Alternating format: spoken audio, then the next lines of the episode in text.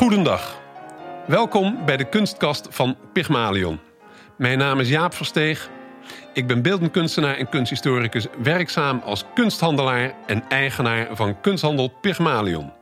Iedere aflevering van de kunstkast praat ik met een aardig en interessant persoon uit de wereld van de kunsthandel en alles wat daarmee samenhangt. En vandaag is mijn gast Hans van Dam. Hans is restaurator van schilderijen. Hij is tevens betrokken bij de opnames van het televisieprogramma Tussen Kunst en Kitsch. Daarnaast werkt hij regelmatig voor Museum Vlehite in Amersfoort. Hans, welkom in de kunstkast. Laten we beginnen bij jou als persoon. Hoe ben jij restaurator geworden?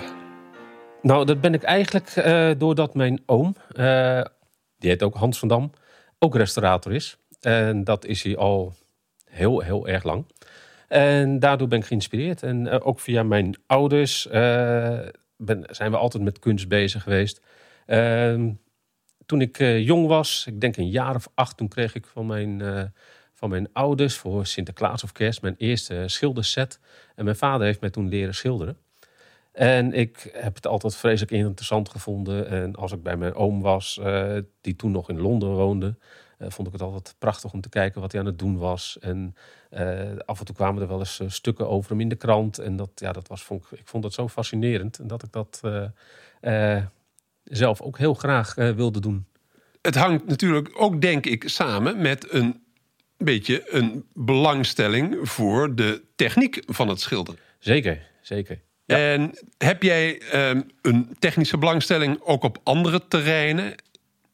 Uh, ja, uh, tot, ja op schilder, voor, de schilderkunst is dat wel het, het, het, meest. Maar ik ben ook wel uh, geïnteresseerd in hoe meubels in elkaar gezet worden. En, en, en dat soort dingen eigenlijk. en ja, het klinkt misschien heel gek, als, maar ook hoe antieke wapens in elkaar zitten en, en gemaakt zijn. Want dat, ook dat is een vorm van kunst, is mijn, vind ik. En gaat dat dan zover dat je die wapens ook uit elkaar haalt? soms wel, ja. ja. Ja, want ik heb er zelf een, een, een aantal. En, die haal ik dan uit elkaar. Ik restaureer ze eigenlijk niet, want dat, ik, ik, zorg wel dat ze niet verder kunnen vergaan. Maar het restaureren van wapens, dat vind ik eigenlijk niet nodig. Ik vind het mooi als hoe ze eruit zien. Maar ik wil wel weten hoe ze in elkaar zitten en of wat er binnenin zit, of dat ook allemaal origineel is. Want dat is toch, denk ik, ook een beetje de kern van de schilderijenrestaurator. Dat je schilderijen als het ware analyseert, uit elkaar haalt en je afvraagt uh, hoe zijn ze opgebouwd. Ja, ja, dat gaat natuurlijk niet uh, dat je een schilderij echt uit elkaar haalt. Maar dat gaat natuurlijk met tegenwoordig uh, met infrarood en röntgenonderzoek en microscopisch onderzoek om te kijken van wat zijn de pigmenten die er gebruikt zijn. Hoe is een schilderij opgebouwd? Uit hoeveel lagen bestaat het? Als ik met jou, als ik met een schilderij bij jou binnenkom, ik weet natuurlijk wel hoe dat werkt, maar kan je vertellen hoe je dan eigenlijk te werk gaat. Wat is het eerste wat je gaat doen? Het eerste wat ik doe is eigenlijk aan de achterkant kijken. Uh, en dan bepalen hoe oud zo'n schilderij is. Want dat is vaak heel goed aan de achterkant te zien. Uh, de achterkant is vaak zeer interessant. Ook vanwege etiketten die erop zitten. Is het al eerder gerestaureerd? Heeft een andere restaurator daar een etiket van achtergelaten? Is het, heeft het bij tentoonstellingen gezeten? In, in welke collecties heeft het gezeten? En dan kijk ik met een, dus naar de voorkant weer, met een UV-lamp. En met die UV-lamp is te zien of er al oudere onderschilderingen uh, in zitten. En of er nog een oude vuile vernis overheen zit. die ziet er vaak wat groenig uit. dan is ook vaak te zien of, de, of er al eerder de delen van schoongemaakt zijn. Vaak zijn de lichte delen al een keertje schoongemaakt in de schilderij, maar de donkere delen niet, omdat die altijd erg kwetsbaar zijn. En dan een goede restaurator die zorgt dan dat dat heel voorzichtig schoongemaakt werd. En uh, dan liet hij een deel van de oude vernis zitten. En dat is met UV heel goed te zien. En met röntgen, uh, als dat nodig is, dat gebeurt niet zo heel vaak. Uh, ja, dan is te zien hoe een, een, een, schilderij opgebouwd is. Dan is het te zien of er ondertekeningen in zitten.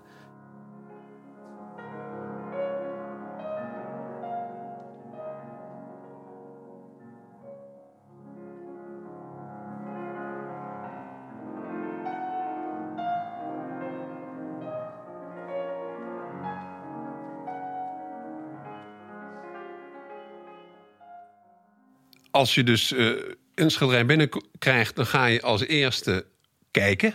Ja. En kijken die op verschillende manieren. Um, schoonmaken. Het klinkt een beetje uh, flauw misschien, maar hoe maak je een schilderij schoon? Nou, je begint eerst met uh, een, een, testen. Je verschillende kleurtestjes aan de randen van, de, uh, van het schilderij. met verschillende, op, verschillende oplosmiddelen. Je begint met de zwakste. En dan ga je kijken van hoe lost het op? Gaat dat goed? Hoe houdt de verf zich? Later komt er geen verf af. Uh, en dan, ga je, dan kan je verder gaan. Uh, lukt het niet, dan neem je een zwaardere oplossing of een mengeling van verschillende oplosmiddelen. En of tegenwoordig uh, gebruik je zelfs een speciale gel. En die, die kan je erop smeren en dan laat je dat eventjes intrekken. En dan hou je dan de complete vernislaag weg. Je begint wel altijd met oppervlaktereiniging. En daarna de vernislaag eraf halen. Maar nodig. stel dat een schilderij ten tijde van het impressionisme gebeurde... dat, dat een schilderij niet gevernist is. Uh, dan is het alleen maar uh, met een, een uh, heel voorzichtig met een oplos, met een, een, een, een oppervlaktereiniging te doen. Dat kan speeksel zijn. Dat dan gewoon het wattenstaafje in de mond en heel voorzichtig rollen. Of een, een hele lichte uh, zeepvorm die, die ontwikkeld is daarvoor. Uh, maar soms ja, kan het ook zo zijn dat het gewoon niet schoongemaakt kan worden. Dat het zo kwetsbaar is uh, en, en, dat de, het, het, de, de verf nog steeds oplost. Ja. ja. Kijk, een schilderij heeft ongeveer 100 jaar nodig om echt droog te worden. En, uh, olieverf. Ja. Olieverf, ja, ja. En hoe dikker het is, hoe langer het kan duren. Want als het heel dik aangebracht is, dan, is het, uh, dan kan die verf binnenin nog gewoon nat zijn. Dat, dat is bijvoorbeeld te zien bij de schilderijen van onder andere Karel Appel. Waarvan de bovenlaag droog is, maar de binnenkant is nog helemaal nat. Dat zou je gewoon open kunnen maken en die verf weer kunnen gebruiken. Ja. En dat zijn natuurlijk heel kwetsbare dingen om te restaureren. Um, wat ook nogal eens gebeurt, dat is dat kleuren een uh, bepaalde verf verkleurt na verloop van tijd. Ja. Wat doe je daarmee? Stel dat een schilderij uh, met een grote partij geel-groen is geworden. Ja, dat is jammer dan. Nou, dat, uh, die kleur, ja, die verkleurde kleur, die laat je gewoon zo. Want anders ben je dat schil, als je dat zou moeten uh, of willen gaan veranderen, dus weer terugbrengen naar geel of uh, de kleuren waar je rood in gebruikt is, wat vaak grijzig wordt, uh, om dat dan weer terug te gaan brengen, ja, dan ben je eigenlijk het schilderij aan het overschilderen en dan is het niet meer origineel. de schilderijen van Van Gogh bijvoorbeeld, die, de zonnebloemen, die allemaal bruin zijn geworden omdat hij chroomgeel gebruikte, wat onder invloed van het licht bruin wordt. Ja, helaas, maar die blijven gewoon bruin. En dat, uh, dat, daar moet je niet in gaan uh, rommelen. En anders eh, ben je eigenlijk het, het, het, schilderij aan het overschilderen. En dan is het, uh, is het eigenlijk geen Van Gogh of een, een ander schilderij meer. Nee. Nee, dat begrijp ik. Ja, en daarvoor zie je ook wel eens in, in de oudere portretten dat de mensen soms een beetje ziekelijke uh, huidskleur hebben. Maar dat komt gewoon omdat die, uh, dat rood wat erin gebruikt is, grijzig is gaan worden op de, door de jaren heen. Ja. En dat, ja, dat, helaas, dat, uh, ik vind dat moet je gewoon zo laten. Want Ja. dat is, uh, ja, het is zoals het is. Net als krakkelee. Het, uh, Ja, wat, het- het- dat is ook zo'n onderwerp. Ja. Verkleuren is natuurlijk een bepaald aspect. Maar het, de, ehm, de krakeluren van een schilderij is weer een ander aspect. Ja. Om, zie jij al aan de krakeluren hoe oud iets is? Eh, dat kan, ja. Dat, eh, je kan zien of het een, eh, een, een 18e of een 19e eeuwse krakelure is. Er zijn natuurlijk heel veel soorten krakeluren. Zijn ouderdomskrakeluren, er zijn krakeluren door verkeerde techniek, verkeerd materiaalgebruik. Waar heeft het gestaan? Heeft het boven de verwarming gehangen door uitdroging? Ja, het, dat zijn allemaal verschillende soorten krakelee. En ik vind ook als het niet storend is en het is helemaal veilig, het schilderij, eh, dus de, de, eh, de krakelee, het staat niet op, het, is, het, het zit niet los. Lekker laten zitten. Hm. Gewoon, dat, eh, de mens krijgt rimpels en de schilderij krijgt krakelee.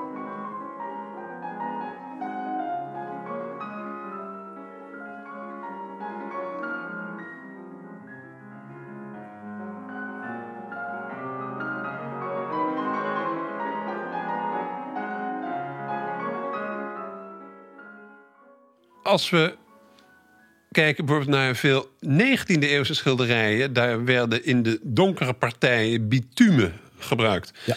Dat levert enorme eh, zware uh, krakeluren op. Ja. Wat zou je daarmee doen? Ik zou dat... Uh, dat ook, er zijn verschillende uh, bitume, bitumeuze krakelures. De ene die trekt heel erg, wanneer de verf trekt uit elkaar. En dan krijg je echt dat hele brede, dikke uh, wit krakeluren eigenlijk. Want je, je kijkt gewoon tegen de, het, het, het doek aan. Maar je hebt ook uh, het, dat het eruit gaat zien alsof het wat heel, heel heet is geweest. Alsof het verbrand is geweest, die verf. En dan krijg je allemaal... ja, dat ziet er een beetje raar uit. Ehm, zit het in echt in hele storende plekken in het gezicht bijvoorbeeld of op een mooie stuk, dan zou ik dat inschilderen als dat heel erg storend is.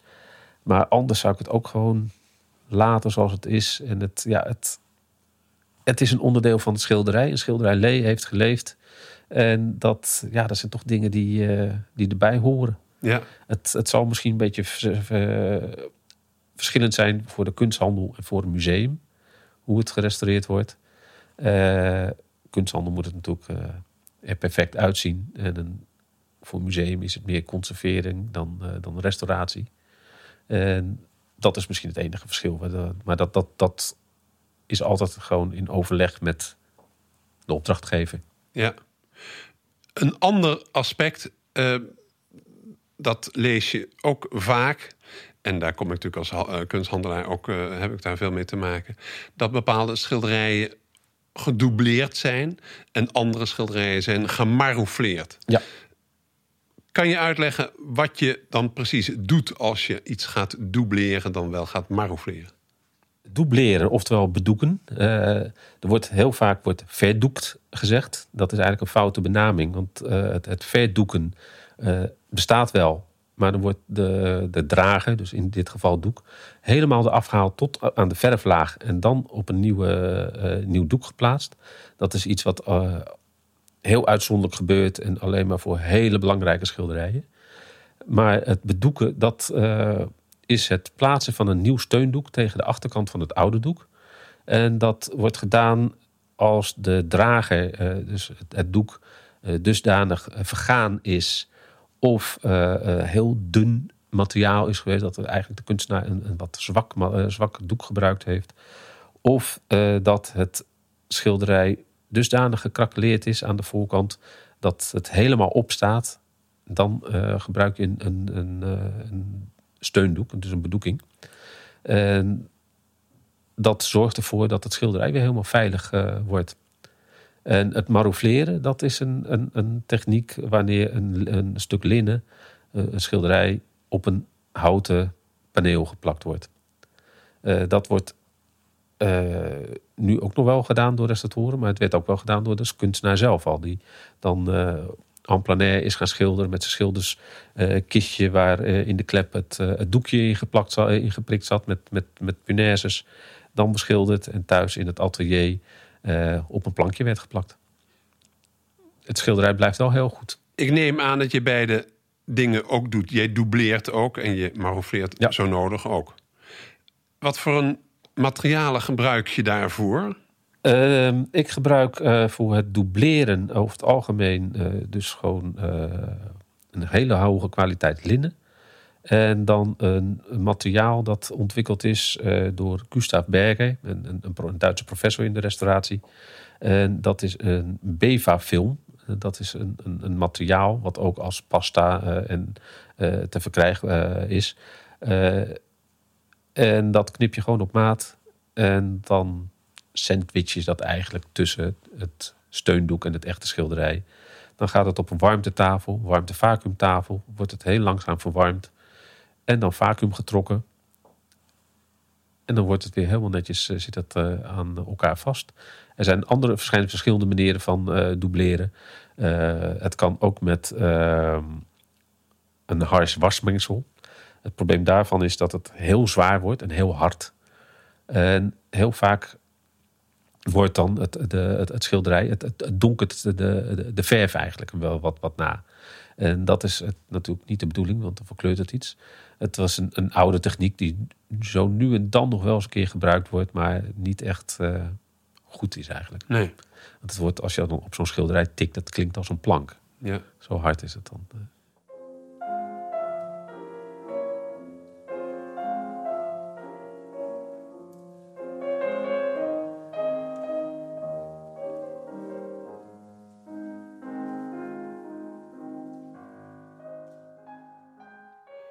Ehm, je werkt, dat zei ik bij de inleiding ehm, ook al, je werkt ook af en toe mee aan het programma tussen kunst en kitsch. Ja.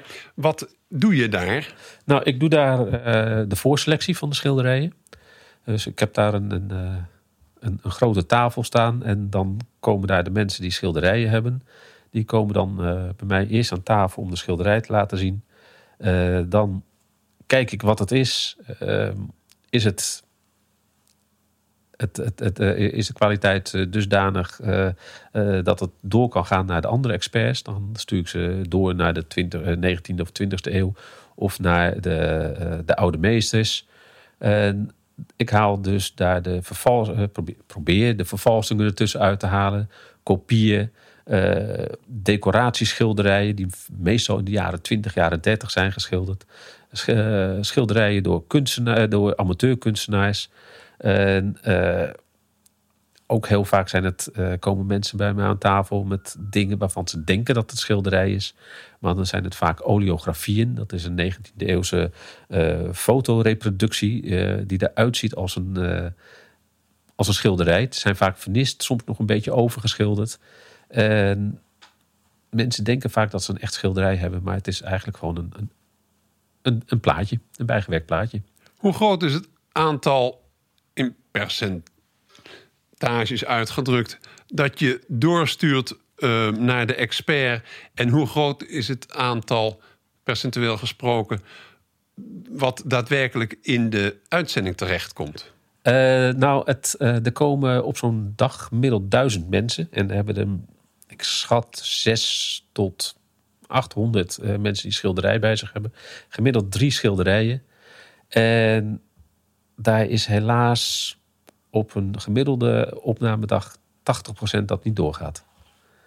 En hoeveel uh, er in de uitzending uiteindelijk komt, dat weet ik niet. Want dat, dat is wat de, de, de redactie en de, de editors bepalen en de productie. En uh, de mensen die doorgaan naar de experts, ja, daar is ook nog weer een, een, een, een percentage wat, wat afvalt eigenlijk. Omdat het uh, wel goede schilderijen zijn, maar niet interessant genoeg om daar een opname van te maken. Maar het wel vaak van, van goede kunstenaars. Um, je andere werkzaamheden, je bent natuurlijk gewoon zelfstandig werkzaam als restaurator. Um, je werkt dan af en toe ook mee met het programma Tussen Kunst en Kitsch. Maar je werkt tegenwoordig ook veel mee met Museum Flehite in Amersfoort. Ja. Wat doe je daar? Uh, de directeur die uh, vraagt mij vaak of ik wil komen als er een, een, een nieuwe tentoonstelling komt. En dan de schilderijen die daar komen te hangen, die dan vuil zijn of kapot zijn. dan wel of in het atelier in Vlehite gaan schoonmaken of restaureren. Of het, de werken komen hier en dat ik ze er hier dan onder handen neem. En dat, uh, ja, dat, dat kan helemaal dat, dat verschilt van heel veel. Uh, het kan uh, 17e eeuw zijn, maar het kan ook 20e eeuw zijn. Onlangs heb ik nog de werken voor de tentoonstelling van Beb Rietveld, de dochter van, van Gerrit Rietveld, heb ik een aantal schilderijen gedaan. Maar ook het, het ehm, oude prenten die in, in, in lelijke paspartouts vastgeplakt zijn, die heel voorzichtig los, los te maken. En, en, en dat soort dingen doe ik voor Vliet eigenlijk. In het verleden heb je volgens mij ook nogal wat gedaan voor het Militair Museum. Ja, ja. voor het, wat nu het Nationaal Militair Museum is in Soest. Uh, ik ben daar begonnen ooit. Toen, zat ik, uh, toen werkte ik veel met een, een, een, kunsthandel in Utrecht samen. En toen kwam de conservator Pictoralia van het toenmalig Legermuseum. Die kwam daar met een schilderij van Willem van Nieuwenhuizen. Met een, een banjo-spelende soldaat die op een Brit zit, die gemobiliseerd was in de Eerste Wereldoorlog. En dat heb ik toen voor ze gedaan. En toen later, uh, toen het museum ging fuseren met het, uh, het Militair Luchtvaartmuseum en naar Soest ging, Soesterberg ging, vanuit Delft. eh, moesten alle schilderijen eh, die op zaal kwamen te hangen, moesten onder handen genomen eh, worden. En daar heb ik, ik schat, als ik me goed herinner, eh, iets van 52 schilderijen eh, voor gedaan. Daar zaten 17e eeuwers bij, ook eh 20e eeuw. Dat, eh, mooie werken van Pieneman. Eh, maar eh, echt mooie, mooie werken. En eh, erg leuke dingen. Niet alleen maar veldslagen. Ik, ik, ben, ik ben zelf een grote passie voor mij is het verzamelen van militaire schilderijen. Maar dan niet waar ve- gevechtshandelingen op zitten. Maar gewoon wat, wat mooie portretten. het dagelijks leven van de soldaten. oefeningen en dat soort dingen. En die heb ik toen een heel flink aantal eh, van gedaan. Ja, als ik aan dat soort schilderijen denk, dan zijn er namen die bij mij bovenkomen. Hoink van Papendrecht. Ja, inderdaad. Hoog Staring. Ja, H.W. Koekoek. Dus Ja, Hendrik ja. Willem Koekoek. Dus Eh, waren veel van dat soort schilderijen. Ja. Ja. Late 19e eeuw vooral, denk ik. Eh, late 19e eeuw, maar ook eh, van Mierenveld. eh, de, eh, prins eh, Maurits, eh, de prins van Oranje. Eh, en eh, nog meer van die eh, schilderijen. Ook oude schutter, schutterijschilderijen en dat soort dingen. Ja. Ehm, in de kunstkast praat ik met verschillende mensen. En wat ik eigenlijk altijd probeer te achterhalen, dat is wat nou in feite de kern is van hun activiteiten. En dan ook de criteria ehm, die je hanteert ehm, voor het kwalificeren van je werk. Wanneer is jou een restauratie van jou geslaagd, vind je? Wat is de kern van jouw werk als restaurator? Nou, de kern is eh, het, het, eh, in eerste instantie het conserveren van het werk, zodat het niet, eh, niet zo snel meer vergaat. Kijk, een, een, zo gauw een schilderij klaar is, begint het te vergaan. Dat is gewoon een, een vast gegeven. En dat probeer je dan eh, tegen te gaan, dat het niet zo snel meer gaat. En het schilderij moet er weer uit gaan zien, zeker als het vuil is, eh, of kapot is, eh, zoals de kunstenaar het ongeveer bedoeld heeft. De kleuren, als, bij zeker oude schilderijen, de kleuren zullen nooit meer zijn zoals de kunstenaar dat aangebracht heeft. Dat, dat, dat bestaat gewoon niet.